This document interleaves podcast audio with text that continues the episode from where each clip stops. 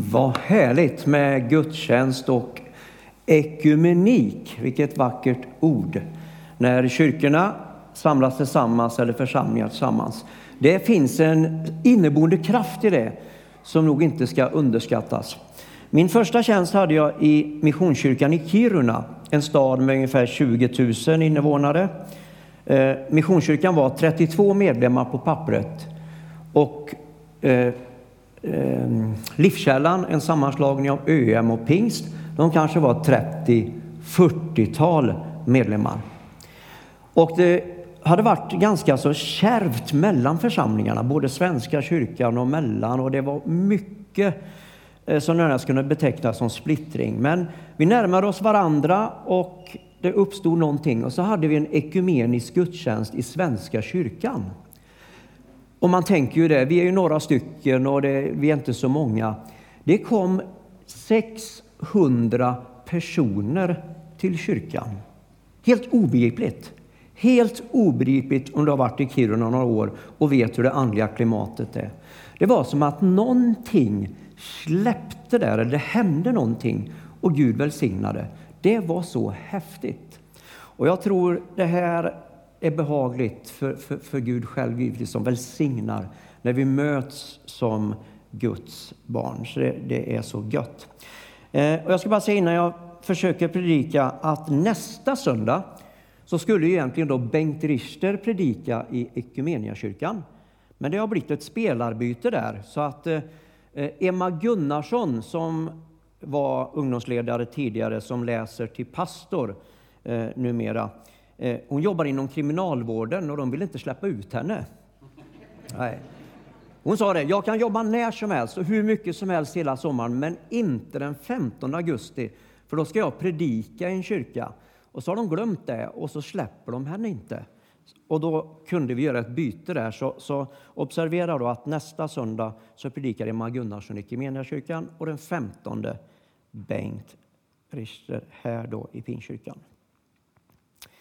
Jag satte en rubrik som min fru eh, inte tyckte var bra alls.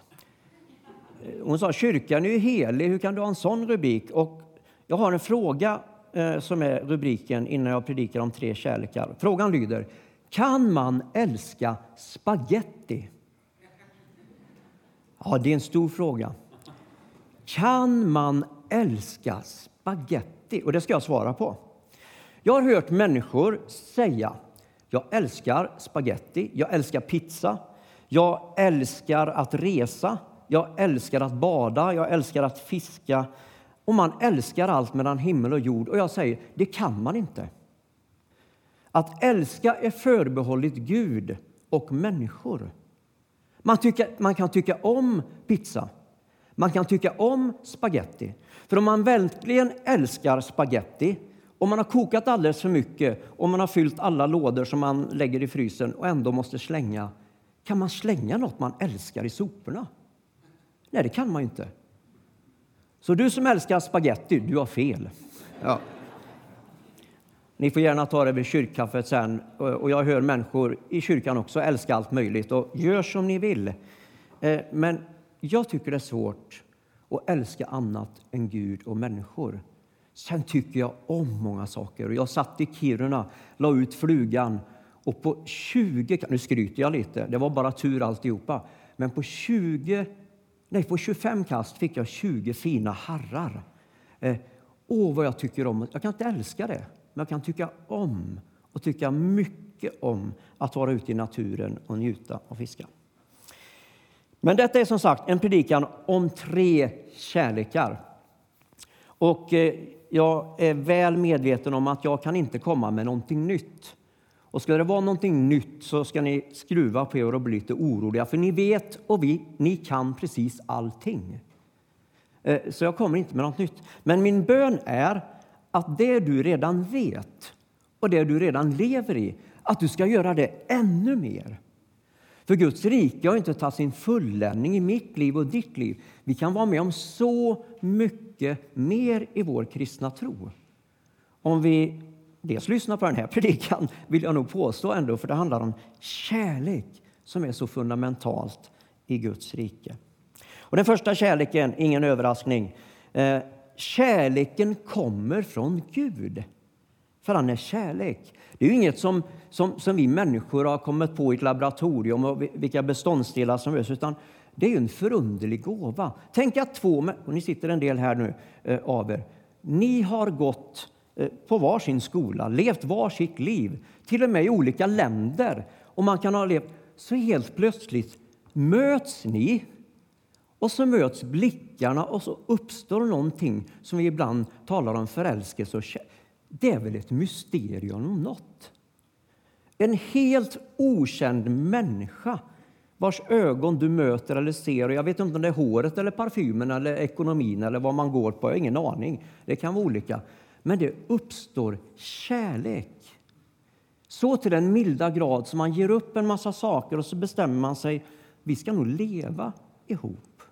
Alltså, det är ett mysterium med kärlek. Det är inget som vi hittar på. Och allting har sin grund i att Gud är kärlek. Första Johannes 4.8. Gud är kärlek. Första Johannes 4.16. Gud är kärlek.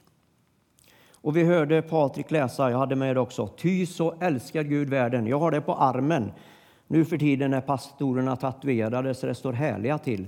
Man kan tycka vad man vill. Ta det på kyrkkaffet. Jag, jag har argument Eh, som är goda. Eh, eh, alltså, tänk vad många goda samtal jag har fått på grund av Johannes 3 och 16 på armen. Sen gör du som du vill.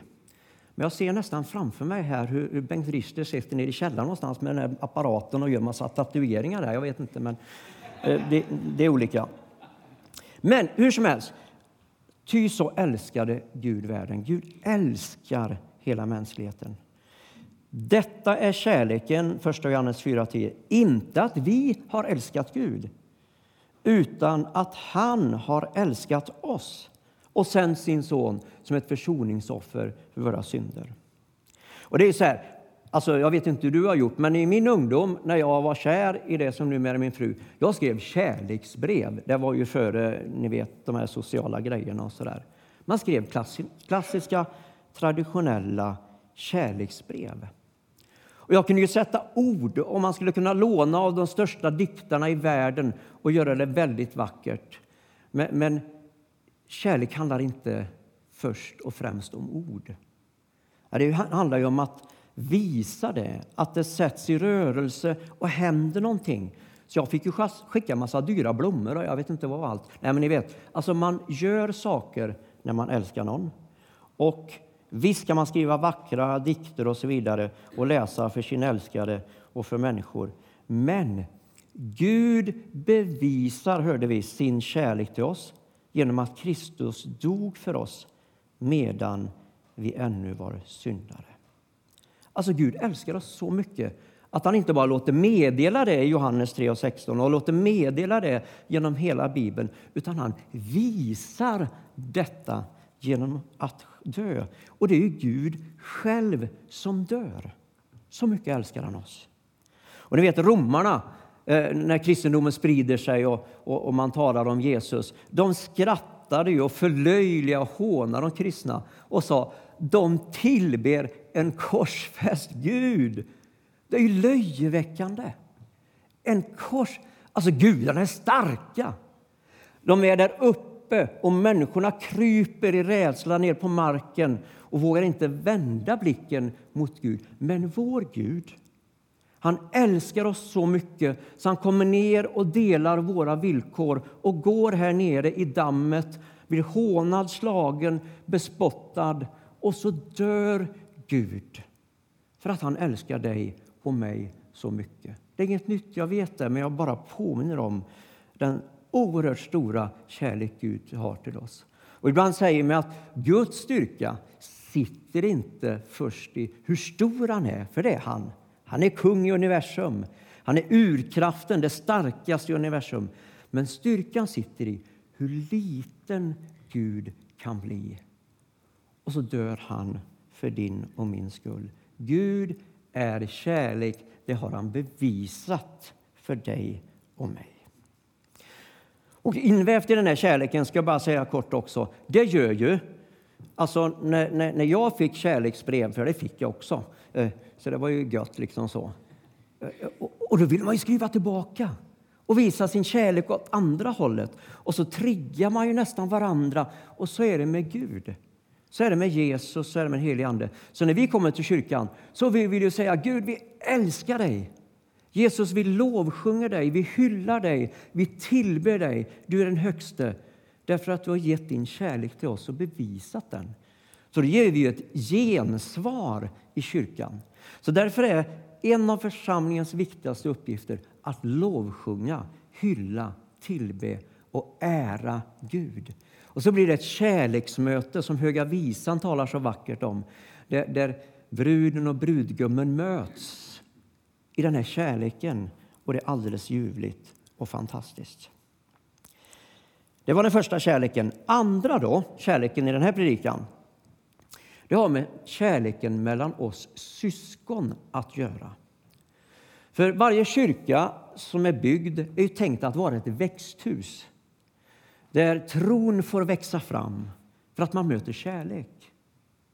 Där man får en blomma som människa, där man som barn kommer fram när man är så här liten och så sjunger man och så öser vi bara kärlek över barnen och applåderar i kyrkan. Ja, det gör vi i kyrkan. Applåderar och säger Wow, vad bra! Och så uppmuntrar vi varandra och så lever vi i en kärlek och så växer tron och så växer vi som människor. Jag kommer ihåg en kompis. Eh, vi var inte frälsta på den tiden. Vi var ute och härjade och festade. Eh, han spelar fotboll som jag. Eh, han spelar i C-laget. Det gick inget vidare. Han släppte in massa mål och han var ingen vidare målvakt, ska jag säga, i ärlighetens namn. Eh, sen började vi hänga i kyrkan. Vi kom in i en gemenskap som var fylld av kärlek. Det gjorde någonting med oss. Vi ville vara med, för det var varmt, det var gott, det var positivt. Han började spela bas i ungdomskören och han som förut gick böjd. Och varför gick han böjd? Jo, han hade varit mobbad. Han hade varit mobbad och så visste han inte riktigt hur han skulle vara för att bli godkänd i olika gemenskaper och så var han jobbig och så blev han mobbad. Men nu i kyrkan så mötte han kärlek, öppenhet, generositet och värme och så gick han helt plötsligt rak. Han gick från C-laget till B-laget till A-laget och blev en superbra målvakt och blev matchhjälte i match efter match. För han mötte kärlek i det som är växthuset, det som är kyrkan. Det är helt underbart. Det är så vackert. Så vi är tänkt att vara ett växthus. Men ibland, kära vänner, så är det mer kylskåp än växthus. Att vi blir oense är inget konstigt. Vi tycker olika. Oj, vad många predikningar jag har sagt där, men nu är inte frun här så nu kan jag säga igen. Jag är mycket bättre på att diska min fru. Jag har varit hela tiden. Hon tycker ju tvärtom givetvis. Men vi är inte överens om allting. Vi blir till och med osams. Fast vi är kristna. Ja, självklart. Vi blir till och med osams. Men vi har sagt att vi ska försöka älska varandra i nöd och lust. Och försöka leva i kärlek. Och ibland går det ju lite ner och lite upp. Inget konstigt, vi är människor. Men församlingen kan ibland bli ett kylskåp där man inte växer, där man krymper, där man inte vågar och så blir det inte bra.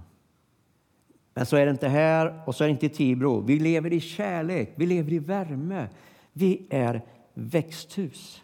Och detta var så starkt i Jesu förkunnelse så han säger, Johannes 13.34, ett nytt bud ger jag er, att ni ska älska varandra så som jag har älskat er ska ni också älska varandra. Det är ju omöjligt. Ingen av oss kan ju älska som... Nej, det går inte utan den helige Ande, utan Guds kraft som vi får söka och Guds kärlek. Det går, det är möjligt.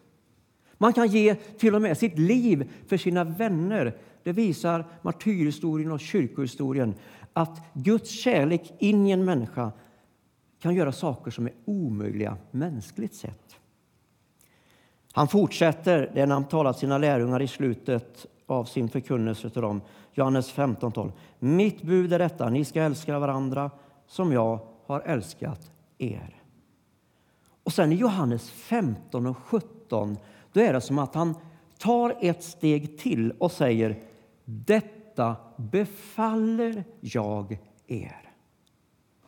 Det är inte bara en önskan, det vore väl bra eller småtrevligt eller lite småborgerligt eller jag vet inte. Nej, detta befaller jag er, att ni ska älska varandra. Det går, jo det går visst.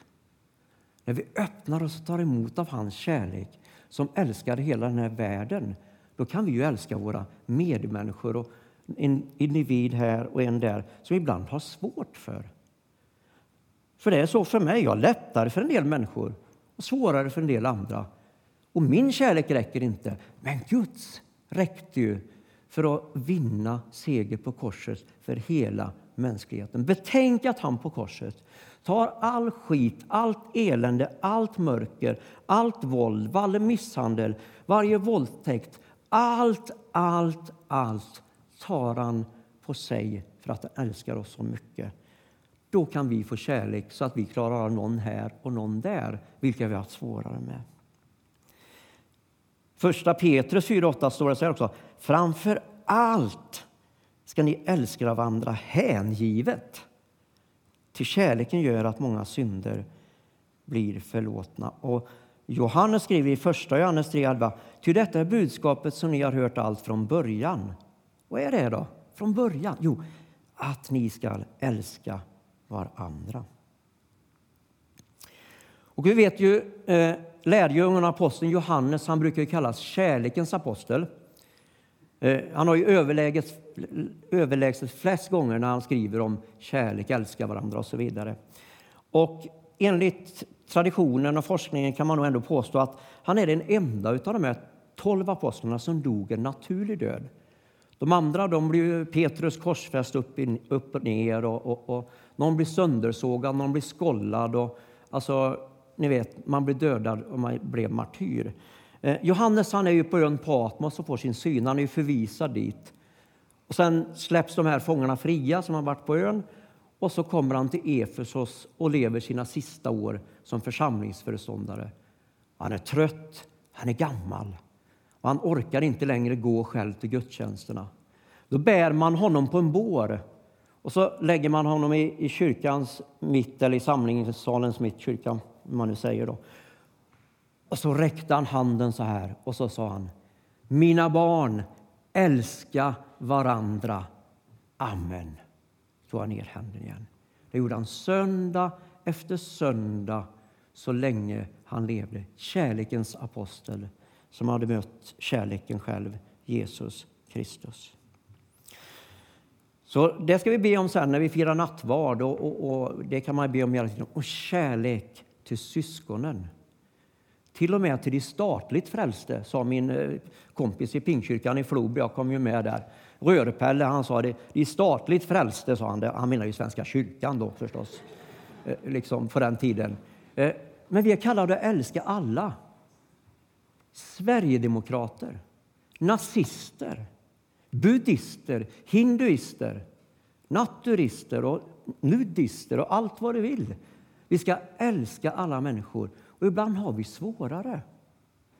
Men kärleken kan göra någonting så att den som har konstiga värderingar och inte tror på Gud och in, förändras och förvandlas av kärlek.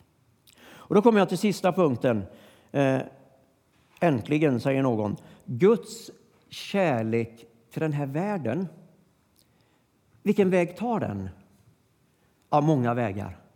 Men den är tänkt att gå genom dig och i kameran där borta och mig som är här. Alltså, kärleken tog sig uttryck. Gud blev människa, så kom han ner. Och sen sa Jesus, nu lämnar jag er och nu får ni en helig ande, för nu ska ni vara som jag var och nu ska ni göra som jag var. Ni är mina händer, ni är mina fötter, ni är min röst och nu ska ni älska den här världen till frälsning. Och eh, Johannes 13.35. Alla ska förstå att ni är mina lärjungar om ni visar varandra kärlek. Och då lever vi den kärleken. Och så försöker vi älska människor in i Guds rike. Det är vår kallelse. Eh, det här exemplet har någon hört förut, för han gästade oss för ett tag sedan. Richard Lundgren heter en man, han är pastor, församlingsplanterare inom Equmeniakyrkan. För man har kommit på det att det är ganska bra att starta nya församlingar i områden där ingen har funnits förut. Och, och människor, det är ett stenhårt jobb, men människor kommer till tro. Och så förestod, han, han är också evangelist och, och har predikat i ett 40-tal länder ute i, i, i hela världen och, och predikar. En, en, riktigt skön snubbe, Rickard Lundgren. För övrigt, när han var i gymnasieåldern så säger de till honom i skolan där att Albanien är ett av de mest stängda länderna i Europa. Där får man inte vara kristen. Wow, säger han i skolan där. Dit vill jag åka. Sen när han har lämnat gymnasietiden och så, här, så pratar man med morsan. Jag vill till Albanien. Ja, men du har ingen utbildning. Nej, men Jesus är med. Han är bara liksom kör så här. Han packade eh, sin väska. Eh, morsan hjälpte honom och farsan tror jag också. Och de tog isär gitarren så här och så stoppade de fullt med biblar och så stängde de igen den. Det var ju alltså livsfarligt bara att smuggla biblar vid den tiden. Han fastnade i tullen direkt. Och så säger de, ta fram gitarren och spela. Det låter ju ingenting, det är ganska dovt ni vet. Och då säger den här tulltjänsten, det var en dålig gitarr, lägg tillbaka den. Och så kommer man igenom så här. Va? Och så är han supertaggad och, och känner bara, nu har Jesus skickat mig, nu ska jag börja vinna människor för Jesus. Och så går han ut någon, någon dag senare, någon dag senare och så börjar han prata med människor på engelska. Inte en människa kan engelska. Så han tänker, vad tusan gör jag här? Jag brinner ju för detta. Och, och så är det ingen som förstår vad jag säger, då kan jag inte vinna någon. Eh, så han går och lägger sig på kvällen och säger Gud, nu får du hjälpa mig. Alltså jag trodde att jag skulle. Och så somnar han och vaknar på morgonen och pratar flytande albanska. Ja. Han börjar vinna människor. Det bildas små husförsamlingar och då är det någon som säger till honom hur i all sin dar, alltså du kommer från Sverige.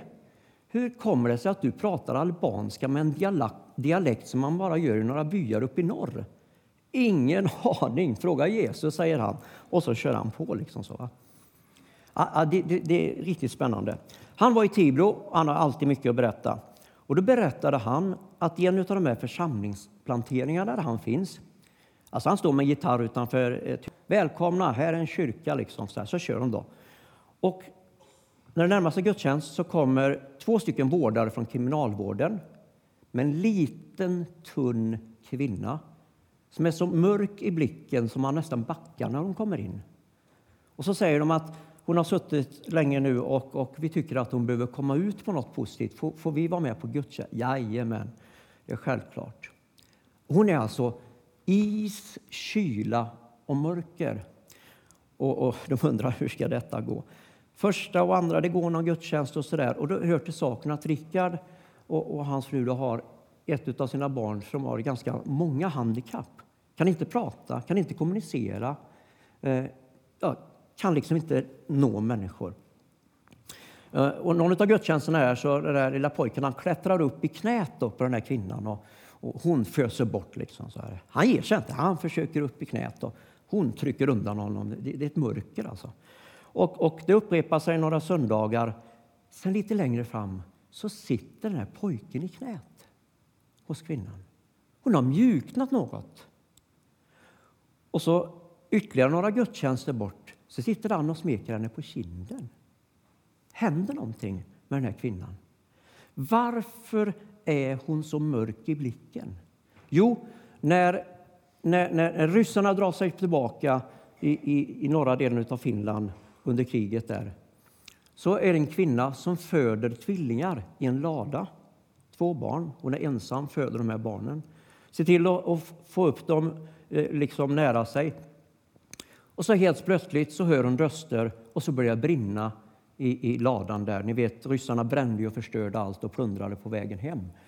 Och eh, hon tar barnen och ska fly ut och tappar ett av barnen. Så de ramlar ner i halmen och under en planka och hon når inte barnet. Hon måste ut. Det är hennes känsla. Så hon springer ut med den ena av tvillingarna.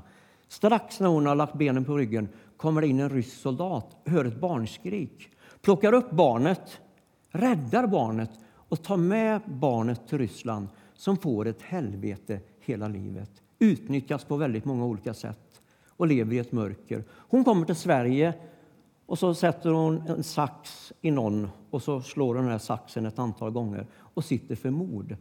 Har ett sånt psykiskt tillstånd som hon sitter på rättspsyk och går inte släppa ut. Nu sitter hon i en kyrka som inte är en mäktig katedral utan en enkelt eh, kyffe liksom i ett hyreshus. Och så har ett litet barn krypit upp i henne fram och stryker henne på kinden. Och detta lilla barn, man känner igen det från Bibeln, Gud kom till oss i ett barn, eller hur? Alltså eh, genom Jesus och barnet. Och det hände någonting. Så kvinnan har pojken sittandes i knät söndag efter söndag. Hon lyssnar, öppnar sig för budskapet, tar emot Jesus och blir frälst. På grund av sin stora kärlek så utväljer han ett barn, du känner igen för att nå den här världen. Och nu var det det här barnet som fick nå henne. Och det är så häftigt. Och då känner jag, jag kanske också kan bli använd. Gud kanske kan låta min kärlek gå genom mig så att jag får nå den eller den eller de människorna. Och det gäller ju dig också. Sista exemplet, jag lovar. Eh, eh, så här. Men jag tycker också det är oerhört vackert och fascinerande. Ni vet prästsonen och konstnären Vincent van Gogh.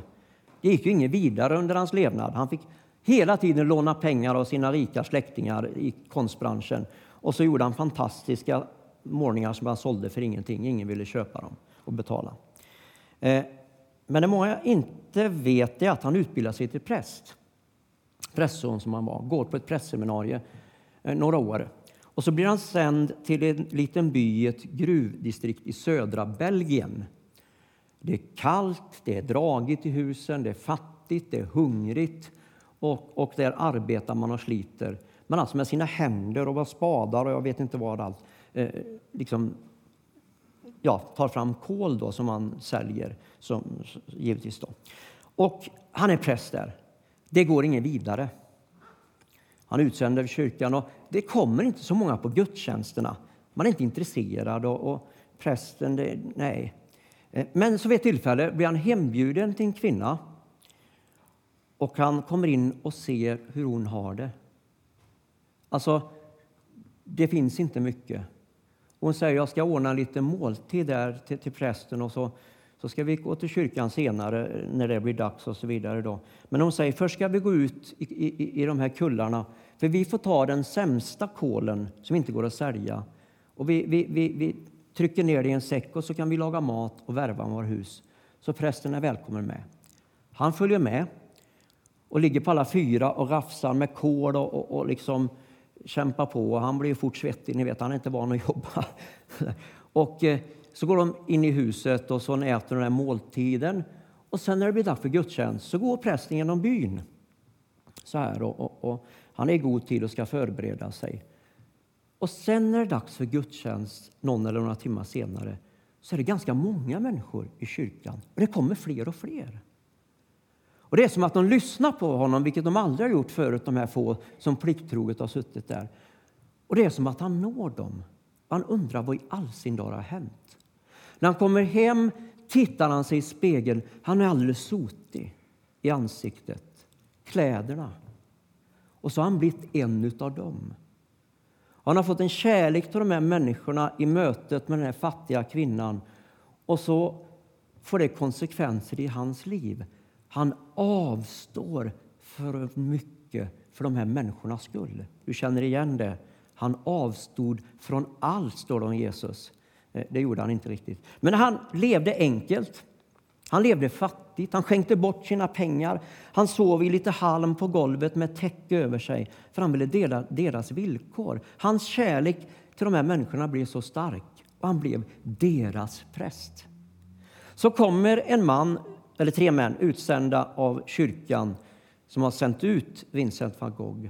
Så får de se trasanken stå där framför sig och fråga är det här prästen så får han en utskällning efter noter för att, in, att han inte är en representant för kyrkan på ett värdigt sätt. Alltså, har inte vi ibland i kyrkan med vår präktighet, med vårt silver, vårt guld, med vår, vår perfektionism gjort att människor inte vågar komma till oss? Jo, vi måste säga det. Det är inte bara katolikerna som har silver och guld. Här är inte mycket, men är ni med vad jag menar? Ibland har vi tänkt och inte riktigt kommit hela vägen med kärlek. Betyder det nu att du och jag ska leva i halm och hö och sälja våra hus? Nej, jag tror inte det. Det handlar om attityder, hur vi möter människor.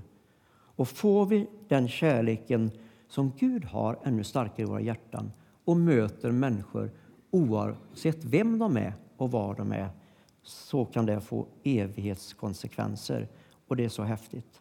För det sa jag i Kiruna avslutningsvis när, när jag jobbade där att präst, eller förlåt, chefen på LK, LKAB, jag vet inte vad man tjänar för gruvan går sjukt bra alltså.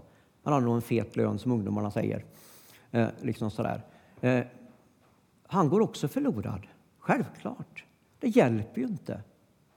Och så får vi försöka nå olika människor. Och vad vi har på oss är inte det viktigaste, utan det är vad vi har i oss och med oss och hur vi förmedlar det till andra människor.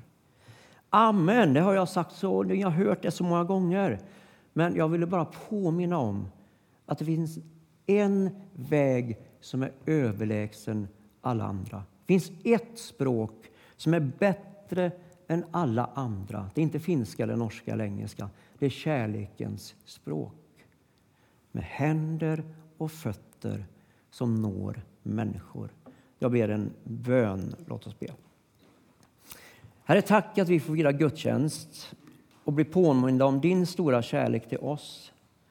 Och tack att vi får göra det idag när vi firar nattvard, att vi får påminna oss att du älskar oss så högt, så mycket att du gav ditt liv för att vi ska få leva och få evigt liv.